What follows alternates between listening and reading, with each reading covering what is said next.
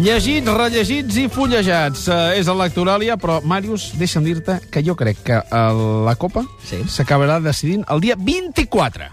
Fantàstic. Això ja ho tenim. Dia Bravo. 24. Bravo. Si serà a Barcelona, si serà a Terrassa... Ah. Però serà el dia 24. És a dir, que aquests 100 primers que es preparin, que, ja- reservin el dia 24. L'adreça pim-pam a la seva agenda 24 al matí de 10 a 11. Molt bé, anem pel llegit d'avui. Sí, senyor. Avui te l'il·lustro amb un tema que coneixeràs, però probablement amb una versió d'uns que potser no et sonin gaire. veure. A veure.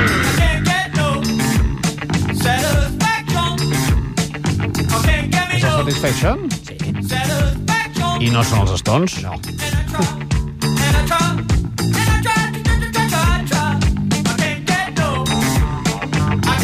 És més espasmòdic que Mick Jagger, eh? Sí, senyor. És, són els Devo. Són els Devo que Onepa. A mi eh, sempre m'havia interessat. Era un músic molt, molt diguem, un, un grup molt, molt electrònic. El que passa, m'interessava aquesta versió perquè la feien que, que era com si cantessin en xinès. És a dir, molt monosil·làbica, molt espasmòdica, sí. com tu has dit, no? I és la primera cosa que m'ha vingut al cap per il·lustrar el primer llibre que jo he llegit i el primer llibre que es pot llegir en català de la flamant Premi Nobel de Literatura Herta Müller, que és una romanesa, però d'expressió alemanya, eh? Uh -huh. eh, premi que li serà atorgat demà.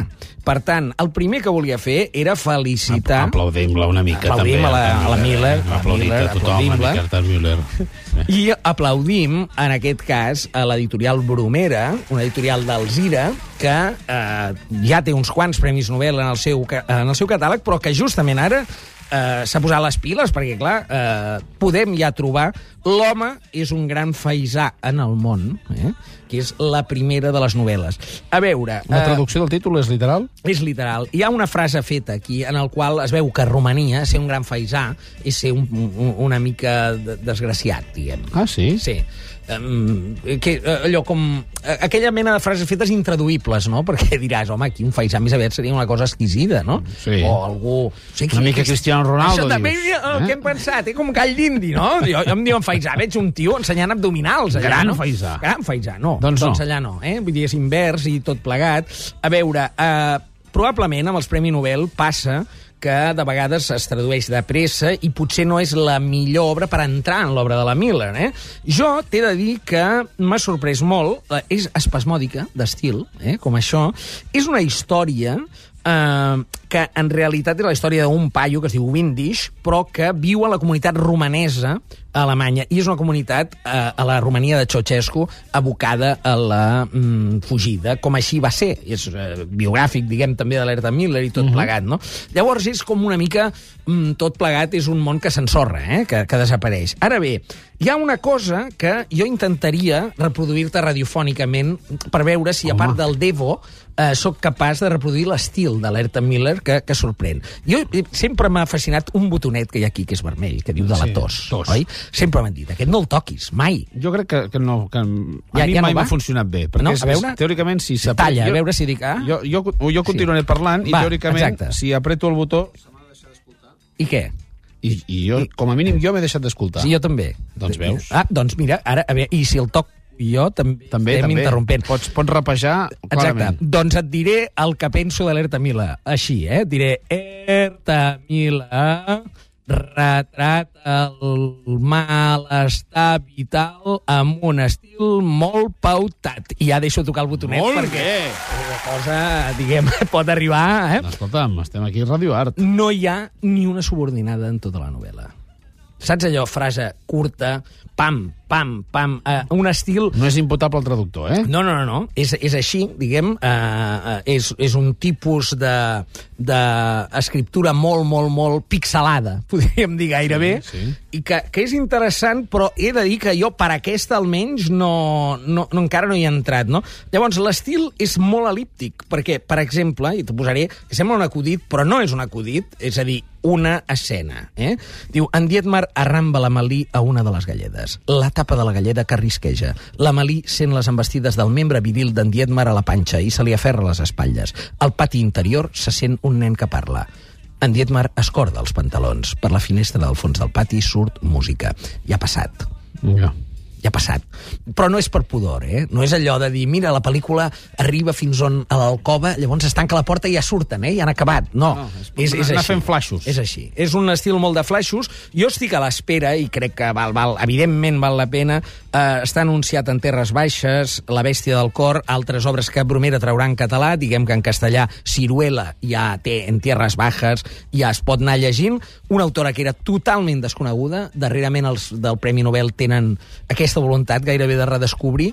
Eh, està molt bé. La traducció de l'alemany, que no ho hem dit, és al català, és de Ramon Monton. Molt bé. I els mots claus, um, sense el botó de la tos. Sí? Quins- dic. quins serien? Aquest seria... No Malest- m'atrevia a demanar-te'ls, dic... Tam... Que no toqui més. d'abans, sí. No, o sigui, malestar, exili, fracàs, misèria i literatura pixelada. Els auxiliars de bord, els venedors de bitllets i els interventors, els serveis de neteja i els de seguretat, els financers, els de rodalies i els de l'AVE i Media Distància i els de mercaderies i logística i els de... Milers de persones treballen per convertir els viatgers en clients satisfets. Per això presentem Renfe amb tu, un nou canal de comunicació que t'informa de tot el que passa diàriament a la nostra xarxa de trens. Renfe amb tu, 902 320 320. Acortamos distancias, acercamos personas. Ministerio de Fomento, Gobierno de España. Batiscafo, monoplaça... Un clàssic d'aquesta secció per il·lustrar els rellegits. Són els Antònia Font? Sí, senyor. Per il·lustrar la curiositat d'Eugeni d'Ors, amb una edició del Xavier Pla per Quaderns Crema. Uh, això, és, uh, de fet, és un rellegit perquè és la recuperació d'un text de l'Ors de l'any 1919. Per tant, és, eh, diguem, una cosa molt antiga. Però era inèdit, perquè resulta que uh, va ser com unes lliçons que ell va donar. I aleshores va treballar sobre aquest tema des d'una perspectiva filosòfica, la curiositat, no? que és el motor de tot, i en Xavier Pla eh, agafa de l'època en el la- l'ideari de l'Eugeni d'Ors era l'home que treballa i que juga que és una cosa que jo m'apuntaria ara mateix eh, com a un lema, diguem, a la porta de casa, no? Ah, Com a mínim a les categories inferiors del Barça és el que els hi diuen. Exacte, eh? Veniu aquí, treballeu, però passeu-vos-ho Passeu-vos-ho bé, bé, diguem, clar. no? Molt bé. Llavors, aquí a la curiositat, aquest assaig, que ara molt encertadament recuperen, eh, doncs té una forma de- d'un seguit de lliçons. Eh? Vindria a ser com el que podria fer en Wagensberg, que ens ha precedit, que Sí. li dones un tema i llança la seva saviesa cap allà. Doncs l'Eugeni d'Ors, eh, que en aquells moments ja era, el, eh, diguem, ja escrivia les, el glossari i ja, eh, diguem, era un universitàriament reconegut per tota Europa, amb una gran claredat expositiva, és a dir, que no tingui por ningú d'acostar-s'hi, si algú té sent interès, perquè eh, s'ha mantingut la grafia i el català de l'època, és a dir, hi ha castellanismes o hi ha usos diguem, particulars de l'Eugeni d'Ors, això ho explica molt bé Xavier Pla a l'entrada, però es llegeix com si ho hagués escrit el Wagensberg ahir, diguem, eh? Carai. I, eh, en canvi, és un llibre del 19. El que, fonamentalment, la idea de fons és que ell disserta sobre el que practica.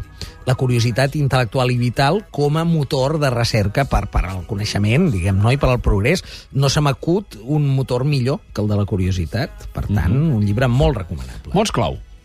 Curiositat, òbviament, però també saber, també ciència, també filosofia i també, en aquest cas, Grècia, Roma, Renaixement, perquè hi ha una visió històrica de l'ús que la curiositat ha tingut en la cultura europea. Ja sé que és molt a prop el meu final sé que m'espera ja ho sé però no tinc por Aquest és el Quico Pia la Serra? Sí, senyor. Cantant My Way, My Way amb una copla, eh? amb so de copla. a la seva manera. Sí, senyor. Forma part de la banda sonora de la Marató. Aquest és uh, un dels temes, diguem, forts del disc de la Marató, i jo el porto per il·lustrar el llibre de la Marató, que em farà ja gairebé eh, com Sant Pere, diguem, negar, eh, o sigui, per segona vegada faria una cosa que vaig dir que no faria. La causa està més que Que justificada. recomanar Parlàvem dilluns justament de les causes de les malalties minoritàries aquí al Matí de Catalunya Ràdio i mai no està de més recomanar totes aquestes iniciatives, tant sigui el llibre com el disc, com qualsevol activitat, com justament la Marató que tindrà lloc diumenge, Diumenge que ve 13. a TV3 i a Catalunya Ràdio. Sí, senyor. Doncs bé, el llibre de la Marató, una iniciativa de tres eh, editorials, en aquest cas Angla, Bromera i Cossetània, amb TV3, és a dir, ABC, i eh, vull saber contra què lluito, ja ho sabeu, és el gran lema. Aleshores, eh, hi ha un encàrrec que hem rebut diversos autors per eh, fer relats sobre això. Hi ha el, el Manuel Baixauli, un autor valencià, Lolita Bosch, Esperança Camps, menorquina, l'Andreu Martín, el Quim Monzó, que es reprodueix un article on ell explica el síndrome de la Tourette que ell Sí. sí. pateix d'una manera molt divertida, Sí. eh, molt divertida. Uh, jo, uh, hi ha un text meu, que el primer text que vaig escriure després de la mort del Llullo, hi ha del Jordi Sierra, del Rafael Vallbona i de l'Eloi Vila. Per tant, és una aproximació des de la ficció, en algun dels casos, des de l'autobiografia en d'altres, a malalties diverses i els efectes que poden tenir. Mm -hmm. uh, ens assumem, no cal dir-ho, a tot el diguem, tot aquest gran moviment eh, que és la, la Fundació de, per la Marató i la Marató de cada any a TV3. de cada any i, i justament també el, el, el fet de que aquest any sigui dedicat a, la, a les malalties minoritàries. A les no? que potser minoritàries. una per una no tindria mai un Clar. espai i en canvi aquí sí, eh? Sí, són més de 7.000 malalties eh, i són més de 400.000 catalans afectats, diguem, de, de manera que... Hi ha alguns textos que jo no coneixo, però el teu concretament, que ja el vas llegir en el seu moment, és del, dels documents que més m'ha impactat eh, en els últims anys, de manera que mm, més que recomanable, no només per la causa, sinó per la qualitat eh, literària i humana dels que hi escriviu i sobretot del que hi escriviu. Màrius, Molt bé. moltíssimes gràcies. A reveure. Farem una petita pausa i arribarem al butlletí de les 11.